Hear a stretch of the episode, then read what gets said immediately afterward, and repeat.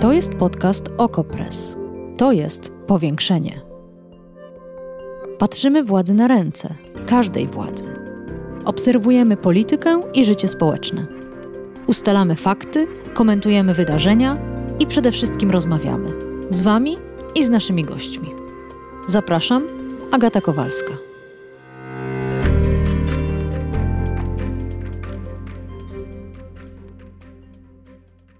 Redakcja Okopres przeprowadziła sondaż. Jest to sondaż opinii. Zapytaliśmy, dlaczego pana, pani zdaniem, kobiety w Polsce nie chcą mieć dzieci. I jako pierwszą odpowiedź 22% badanych podawało boją się o pracę.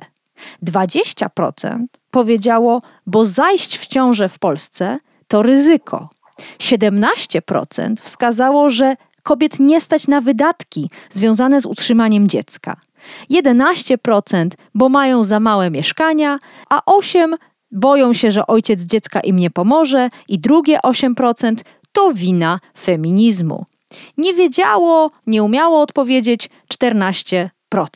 Cały sondaż i jego omówienie znajdą Państwo oczywiście w Okopres. Mnie jednak zastanawia wiele kwestii. Przede wszystkim, czy badanie opinii mężczyzn, kobiet w różnym wieku jest spójne z tym, jakie są prawdziwe powody, dla których kobiety w Polsce nie chcą mieć dzieci. Druga kwestia to samo pojęcie niechcenia. Być może część z nich chce, ale się na nie nie decyduje. To jest jednak różnica. Jaka jest zatem rzeczywistość kobiet w Polsce? Tych, które być może chciałyby być matkami, ale z różnych powodów na dzieci się nie decydują, albo odkładają decyzję o macierzyństwie na później, albo decydują się tylko na jedno dziecko. O tym wszystkim dzisiaj porozmawiamy w powiększeniu. Zapraszam.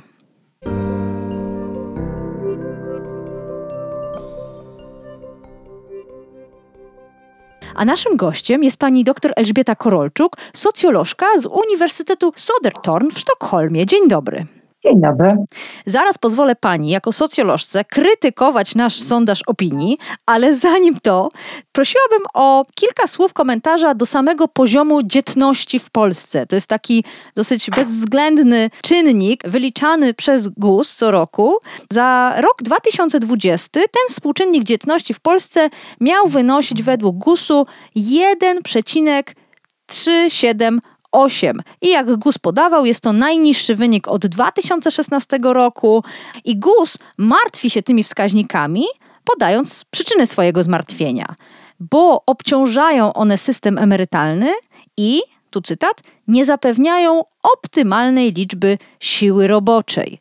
Więc czy mm. pani, jako badaczka macierzyństwa, dodałaby coś do obrazu tej dzietności wyliczanej takim obojętnym na emocje czynnikiem? Dodałabym tyle, że to oznacza, że w Polsce rodzi się coraz mniej dzieci i właściwie widać to w ciągu ostatniej dekady bardzo wyraźnie, mimo tego, że mamy w ciągu ostatnich kilku lat e, największy wzrost e, wydatków państwa na politykę prorodzinną czy pronatalistyczną.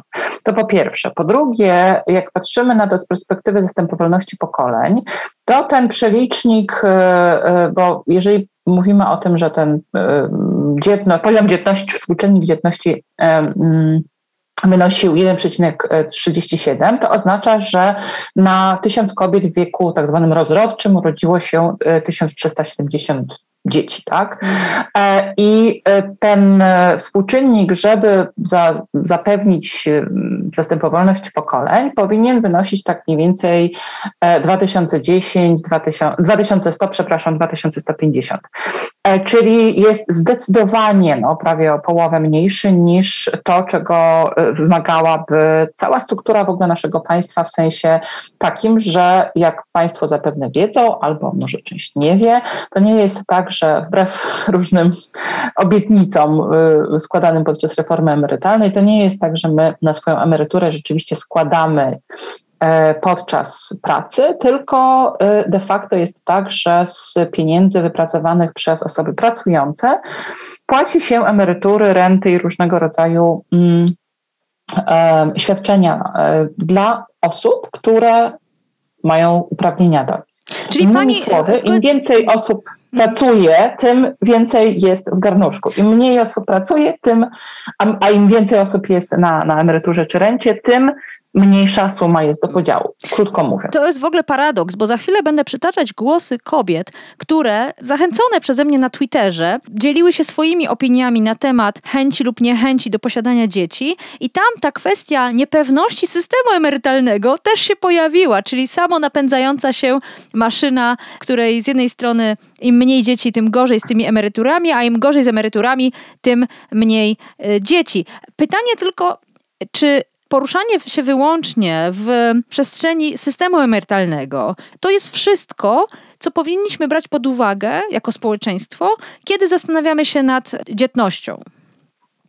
Oczywiście, że nie. Ja tutaj raczej tłumaczyłam e, pewne pojęcia i tłumaczyłam, dlaczego dla um, państwa to jest problem, tak? I dlaczego ta kwestia dzietności budzi tyle, e, tyle sporów i tyle um, zaniepokojenia, powiedziałabym. E, natomiast kwestia dzietności na takim poziomie, powiedziałabym, społecznym czy indywidualnym, to jest w ogóle zupełnie inna historia, tak? Czyli jednym z najprostszych odpowiedzi, które nie zostały tutaj uwzględnione w państwa sondażu, i które rzadko są podawane jako powód, dla którego kobiety nie mają dzieci, to jest to, że po prostu wreszcie mogą ich nie mieć. I to jest, powiedziałabym, ta rewolucja, wobec której zresztą wiele środowisk konserwatywnych się buntuje. To znaczy sytuacja, w której kobiety nie uznają już, a przynajmniej część kobiet nie uznaje już, że posiadanie dzieci jest koniecznością, czy spełnieniem ich marzeń, czy wymogiem czucia się kobietą, tylko jest wyborem. No to posłuchajmy, bo właśnie takie głosy pojawiły się e, na Twitterze, gdzie zapytałam, dlaczego Polki coraz rzadziej lub coraz później decydują się na macierzyństwo. Pani Albina odpisała bardzo krótko, bo mogą. Pani Patrycja zachwyciła mnie odpowiedź, że mogą. Wreszcie mogą i mhm. odkładać macierzyństwo i nie decydować się na nie wcale. Pani Karolina, bo nie chcę rezygnować z życia, które mam i na szczęście funkcjonuje w środowisko, w którym macierzyństwo nie jest już zasadą domyślną, w którym nie trzeba się tłumaczyć z rezygnacji z posiadania dzieci. A pani Iwcia pisze, bo możemy się późno decydować na dzieci, albo w ogóle u naszych mam to był mus taki konstrukt społeczny, że małżeństwo i ciąża, najlepiej do 25 roku życia, to oblik. W moim pokoleniu, koniec lat 80., już możemy mówić głośno, że nie chcemy mieć dzieci lub mamy je wtedy, kiedy chcemy.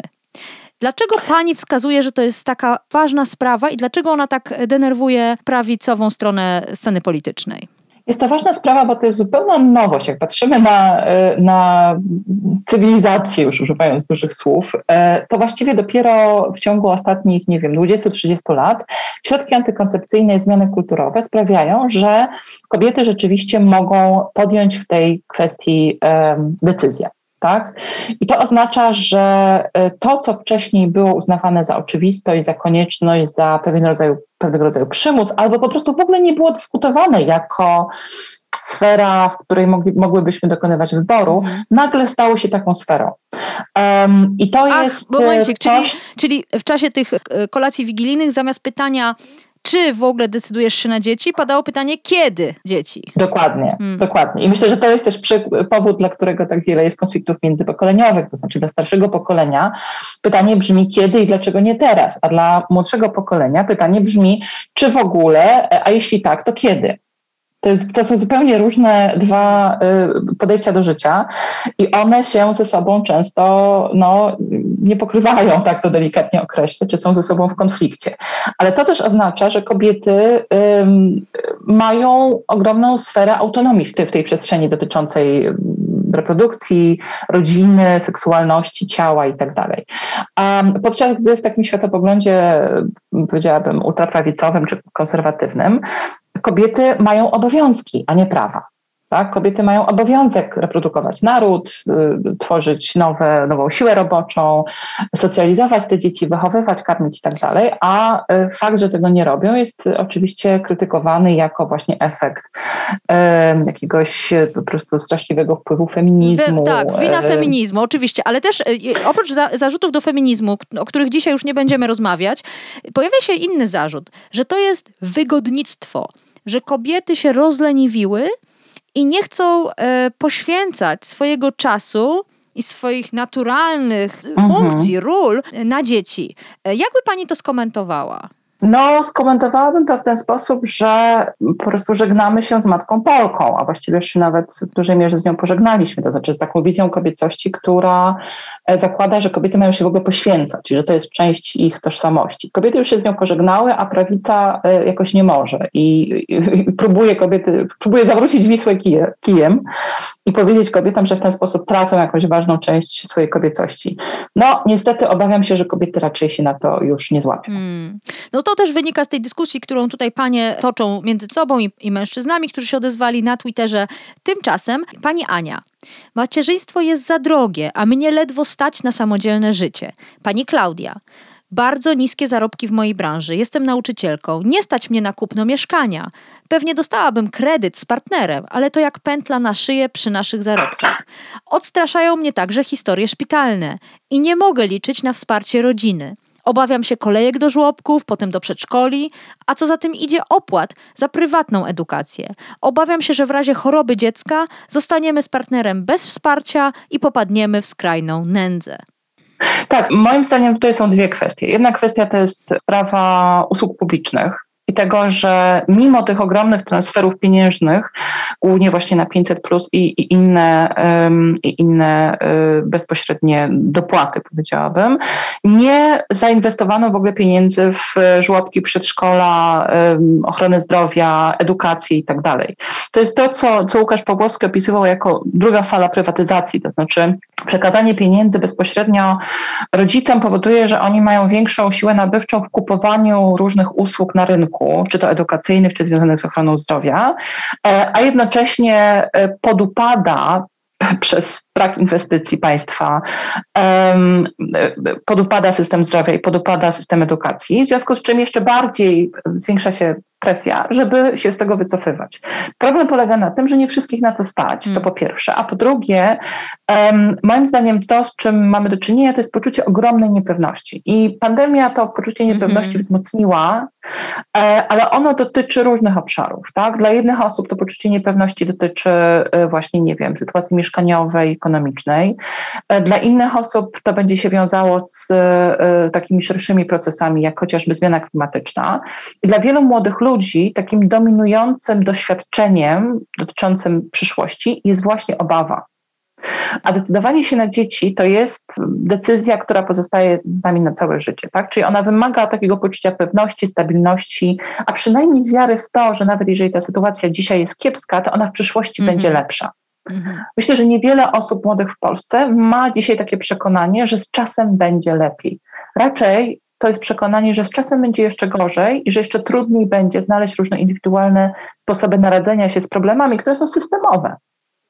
A czy Pani zdaniem jest jakiś jeden czynnik, który państwo mogłoby zmienić, nawet wielkim nakładem sił i środków, który by radykalnie zmienił sytuację? Nie, nie ma tutaj prostych fiksów. PiS wierzył w to, że takim sposobem będzie 500, plus, mhm. czyli właśnie bezpośrednie transfery pieniężne.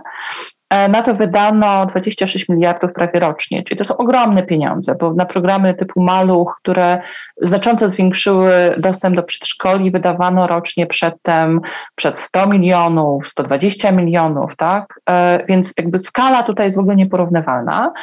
E, ale okazało się, że tak to nie działa. I ja bardzo często jestem pytana o Szwecję, o to, w jaki sposób w Szwecji się udaje uzyskać znacznie większy współczynnik dzietności. To nie jest kwestia tylko i wyłącznie wydłużenia na przykład, nie wiem, urlopów rodzicielskich, -hmm. albo tylko i wyłącznie większej dostępności przedszkoli, albo tylko i wyłącznie, nie wiem, lepszej jakości służby zdrowia. Te wszystkie elementy są ze sobą połączone.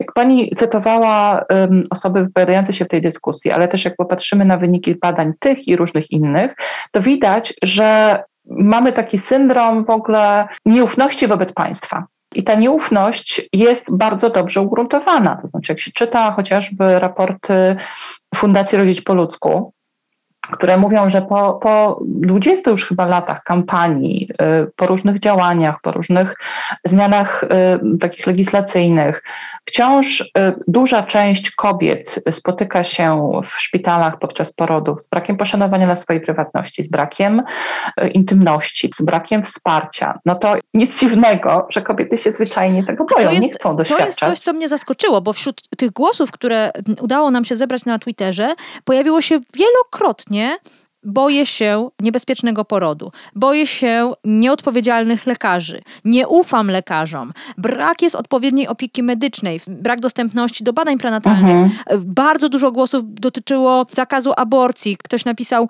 Ja się jeszcze do niedawna wahałam, ale potem, co zrobili z mhm. zakazem aborcji, utwierdziłam się w przekonaniu, że nie. Nie chcę mieć dzieci w kraju, gdzie ich posiadanie z założenia wymaga heroizmu i gotowości na poświęcenie. Tych głosów było dużo więcej, natomiast co ciekawe, tu wracam do 5 500, ani razu nie pojawił się głos, że 500 plus powinno być zwaloryzowane i wtedy y, byłoby mi łatwiej. Nie, nie ma ani jednej osoby, która by mówiła, że te świadczenia powinny być wyższe. Mnóstwo jest o rozwiązaniach takich systemowych, instytucjonalnych, no i prawnych. Dokładnie, bo jak patrzymy na to z perspektywy czasu, to kwestia chociażby tego sporu o aborcję wpływa w ogromny sposób na obniżenie komfortu i poczucia bezpieczeństwa kobiet, także tych, które, a może przede wszystkim nawet tych, które chcą mieć dzieci. Bo jak myślimy sobie o tych sytuacjach w Polsce, które miały, miały miejsce w ciągu ostatnich kilku lat, to przecież to nie chodzi tylko i wyłącznie o to, co się wydarzyło w ciągu ostatniego roku i śmierć pani Izy z Pszczyny, ale także śmierć e, pani e, Anny Lamczak w 2004 hmm. roku, mm. o tak zwane dziecko Hazana i całą tą potworną, po prostu to potworne okrucieństwo, na które lekarz skazał um, kobietę w ciąży i jej, jej partnera.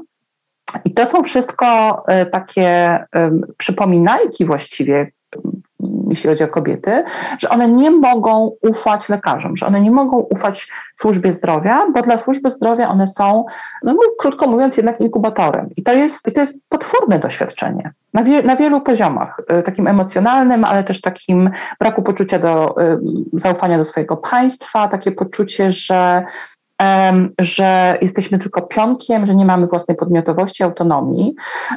I te doświadczenia dotyczą różnych kwestii, tak? E, jak patrzymy na to z perspektywy tego, co się dzieje w, w sferze edukacji, no to naprawdę, żeby być dzisiaj rodzicem dziecka w wieku szkolnym, trzeba po prostu by, naprawdę heroizmu.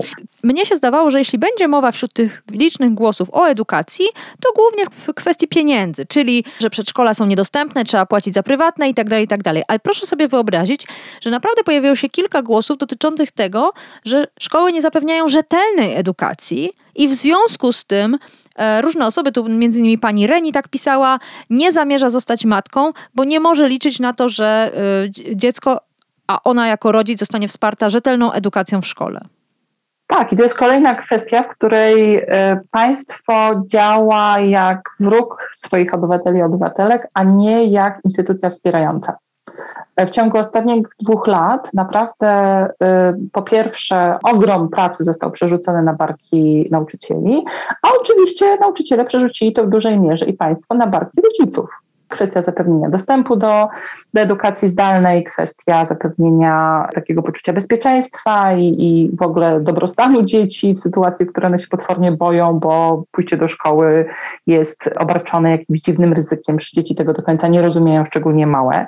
Czyli mamy do czynienia znowu z sytuacją, w której instytucje państwa, zamiast być instytucjami wspierającymi obywateli i obywatelki w ich e, chociażby obowiązkach rodzinnych, stają się głównie jakimś takim potwornym aparatem przymusu, z którym trzeba cały czas walczyć, albo go obchodzić, albo go obłaskawiać. To jest nie do zniesienia na dłuższą metę. Pani Agnieszka napisała, w tym kraju kobiety za chęć posiadania dzieci są karane niższą emeryturą, ryzykiem utraty zdrowia lub życia, gorszą pozycją zawodową, ubóstwem, również z powodu braku ściągalności alimentów bardzo podobny sposób myślenia i zastanawiam się, na ile można wciąż twierdzić, że to jest efekt e, lewicowej e, propagandy, a na ile kobiety bardzo dobrze zdają sobie sprawę z tego, jaka jest ich sytuacja i, i zastanawiam się, na ile mm, ma znaczenie, które kobiety. Czy pani zdaniem ta świadomość jest różna w różnych grupach kobiet. Czy tutaj czynnikiem podziału byłoby na przykład miejsce zamieszkania, a może zamożność? Czy jest jakaś różnica, czy też jest to powszechne doświadczenie Polek w obecnych czasach? Jak się patrzy na statystyki, to liczba urodzonych dzieci się zmniejszyła zarówno w miastach, jak i w obszarach wiejskich. E, cały czas jest taka tendencja, że e, e, na terenach wiejskich jest troszeczkę wyższy poziom dzietności, ale to jest naprawdę bardzo mała różnica, to jest tam, nie wiem, 9,6 w stosunku do 9. To jest mm, naprawdę bardzo niewiele. To jest też tak, że różne grupy zmagają się z różnymi dolegliwościami. Tak? Jak się mieszka e, na wsi, to problemem jest na przykład dowiezienie dziecka do szkoły, brak e, zajęć pozalekcyjnych, brak dostępu do, do dobrej jakości edukacji czy, czy zajęć sportowych itd. Tak itd. Tak taki, taki rodzaj też wykluczenia komunikacyjnego i, i, i różne związane z tym problemy. Też brak pracy, która umożliwiłaby łączenie macierzyństwa i, i e, pracy zawodowej. Ale te wszystkie problemy kiedyś kobiet na wsi nie powstrzymywały przed posiadaniem dzieci. Wręcz no, dzieci to była wręcz inwestycja. Były potrzebne, żeby całe gospodarstwo funkcjonowało. Później mogły się opiekować starszymi rodzicami i tak dalej. A pani wyraźnie wskazuje, że ten system się załamał. Ale on załamał się z kilku powodów. Załamał się, tak jak wspomniałam, dlatego, że kobiety mogą teraz decydować o tym, czy mają, będą miały dzieci, czy nie. Nasze babki mogły sobie tylko o tym pomarzyć, hmm. więc to, czy miały piątkę czy dziesiątkę dzieci, wynikało tylko i wyłącznie z, tak, z ich sytuacji życiowej, z tego, czy miały męża, czy nie i z tego, czy, mówiąc krótko, gospodarstwo było w stanie wyżywić kolejną osobę. Ale też dzieci, tak jak, tak jak pani redaktor mówi, były pewnym zasobem. To znaczy dzieci pracowały na gospodarstwie, dzieci były uznawane za te osoby, które później to gospodarstwo przejmą i tak dalej. Dziś właściwie tak, tak już w ogóle się nie myśli. Jak mhm. patrzymy na skalę też migracji z terenów wiejskich, to widzimy taki, taki obraz bardzo smutny zresztą, gdzie na terenach wiejskich zostało bardzo dużo osób starszych, a wyemigrowała stamtąd y, ta młodsza część, która często ma, owszem, dzieci, ale już za granicą, czyli na przykład w Szwecji albo w Wielkiej Brytanii. E, druga kwestia to jest też kwestia tego, w jaki sposób tak jak wspomniałam już wcześniej, myślimy, myślimy o przyszłości i o tym, na ile czujemy się bezpiecznie w naszej, naszej sytuacji takiej życiowej, ekonomicznej. I moim zdaniem dla różnych grup te, ta, ta, ta, ten niepokój będzie miał różne oblicza, ale on jest y, obecny, hmm. tak? Um, I w tym sensie y, taka, taka sytuacja, w której państwo nie wspiera osób, które chciałyby mieć dzieci, natomiast próbuje zmuszać wszystkie kobiety, żeby miały dzieci, jest najgorszą możliwą strategią. Tak? Bo jak popatrzymy na to z perspektywy tego, co państwo robi w przypadku osób, które chcą mieć dzieci, to to jest dopiero y, niesamowita jakaś y, historia, tak? Bo z jednej strony obecny rząd mówi, czy koalicja mówi, no kobiety powinny mieć więcej dzieci i tak dalej. Jednocześnie zlikwidowano państwowe dofinansowanie do programów in vitro, mimo tego, że wiadomo, że niepłodność jest zwiększającym się problemem takim zdrowotnym i społecznym. E, jednocześnie, jak patrzymy na to, co się dzieje na przykład z dziećmi par nieheteroseksualnych, które na przykład chcą zarejestrować swoje dzieci w Polsce, tak, mamy już co najmniej kilka takich e, przypadków z Wielkiej Brytanii, z Hiszpanii, z innych krajów, gdzie państwo polskie odmawia bezprawnie e, rejestracji i, i transkrypcji aktu urodzenia i nadania obywatelstwa. Sytuacja z alimentami wspomniana już, to jest kolejna sprawa, która pokazuje, że, że osoby, które już mają dzieci, nie mogą liczyć na państwo. Ja osobiście byłam przez ponad pięć lat zaangażowana w pracę zespołu do spraw alimentów przy Rzeczniku Praw Obywatelskich, Rzeczniku Praw Dziecka. I tam zostało wypracowanych ileś różnych e, rozwiązań, tak, które miały być wprowadzane, jak chociażby alimenty natychmiastowe, tak tabele alimentacyjne tak i tak dalej. Nic z tego nie zostało. Tak? Znaczy wszystkie te rzeczy po prostu zostały y, zamiecione pod dywan, bo ewidentnie dla tego rządu osoby po pierwsze, które już mają dzieci nie są priorytetem, a po drugie um, jedne dzieci są lepsze niż inne, tak? czyli y, jest tutaj po prostu tworzenie drugiej kategorii obywateli, tak? którzy, którzy nie mają takich praw jak, jak cała reszta. Hmm. Więc to powoduje, że paradoksalnie osoby, które chcą mieć dzieci, są często przez to państwo karane za to, że te dzieci mają. A jeszcze na koniec, bo mam tutaj głos pani Anny, która napisała, że jednym z powodów, dla których jej zdaniem Polki rzadziej decydują się na dzieci, jest brak szacunku i przypisywania wartości macierzyństwu, wychowywaniu dzieci. Czy pani się z tym zgadza i jak można by to rozwinąć? Zwykle stawia się ten zarzut feministkom, że to one obrzydziły macierzyństwo kobietom, ale ja mam wrażenie, że pani Anna pisze troszeczkę o czymś innym. O, ona pisze o realnym macierzyństwie, nie tym na ustach polityków, tylko prawdziwym macierzyństwie. I czy pani się z tym zgodzi, że w Polsce na poziomie realnym nie ma szacunku dla matek, dla e, całego procesu wychowywania dzieci i dla tego doświadczenia życiowego?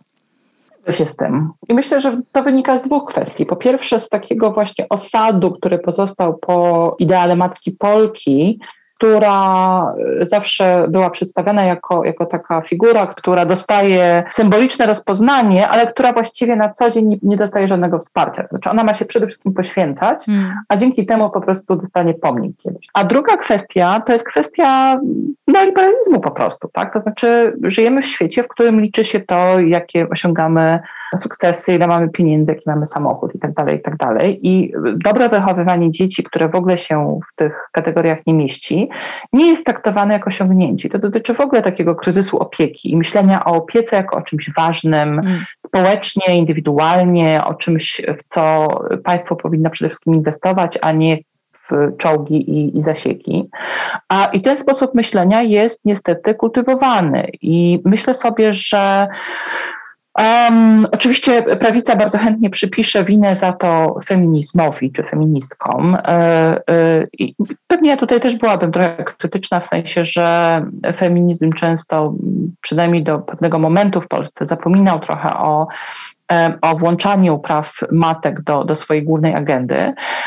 Ale myślę sobie, że to, to, co się dzieje dzisiaj, to jest właśnie sytuacja, w której kobiety zdają sobie z tego sprawę, czym jest tak naprawdę macierzyństwo. Znaczy, że ona jest pracą, która może być wspaniała, która może być niezwykle satysfakcjonująca, którą część kobiet uważa za bardzo ważny element, a może najważniejszy swojego życia, ale to jest praca, za którą ani nie dostaje się wynagrodzenia, ani nie dostaje się rozpoznawania, takiego rozpoznania, powiedziałabym, społecznego, a która często jest traktowana jako powód do wykluczenia. Znaczy ja muszę powiedzieć, że uczestniczyłam w kilku już dyskusjach w polskich mediach dotyczących tego, czy można karmić piersią, albo czy kobiety powinny z dziećmi być w przestrzeniach publicznych i za każdym razem nie mogę uwierzyć, że my wciąż o tym dyskutujemy.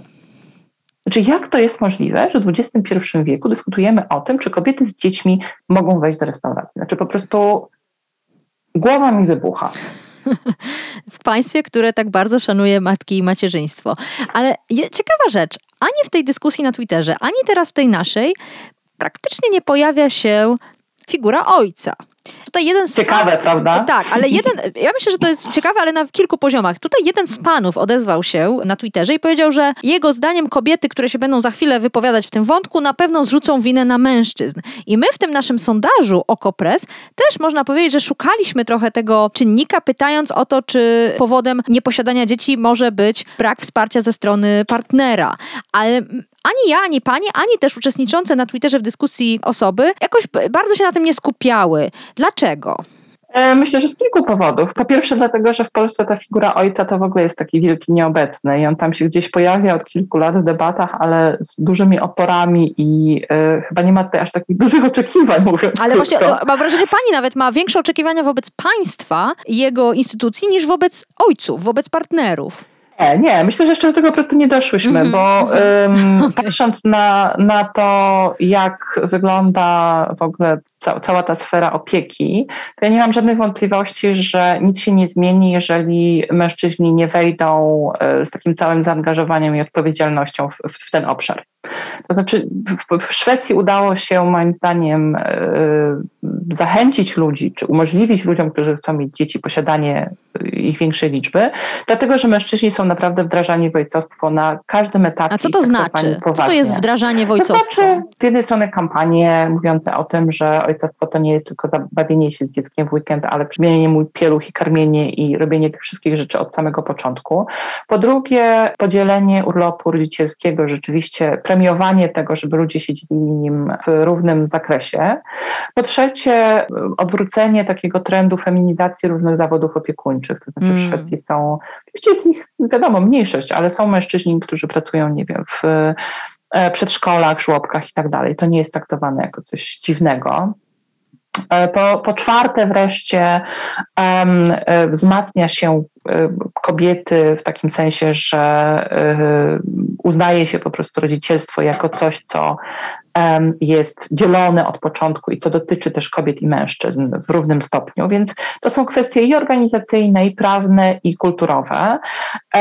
I w Polsce i w wielu innych krajach jest taki bardzo wyraźny trend, to znaczy patrzy się na preferencje dotyczące dzieci wśród mężczyzn i kobiet, to ci, którzy nie mają dzieci, tak mniej więcej podobna, y, y, równoliczna grupa wśród kobiet i mężczyzn chce albo nie chce mieć dzieci.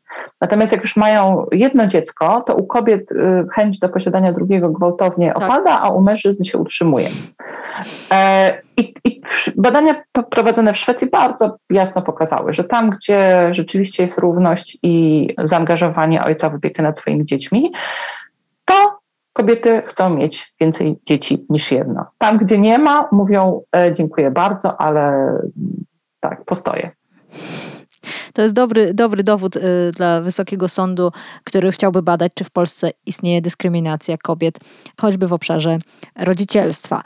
Ale dzisiaj już nie będziemy się znęcać nad e, naszym krajem, który tylko w deklaracjach szanuje kobiety i macierzyństwo. Jeszcze raz ogromnie dziękuję wszystkim osobom, które wzięły udział w dyskusji na Twitterze. Tam zbieram Państwa głosy i korzystam z nich, e, jak słychać, chętnie e, w rozmowach w powiększeniu. No i dziękuję naszemu gościowi, dr Elżbieta Korolczuk, socjolożka z Uniwersytetu Soderton w Sztokholmie, była naszym gościem. Dziękuję ogromnie oraz z Uniwersytetu Warszawskiego. Bardzo również dziękuję i dziękuję za zaproszenie.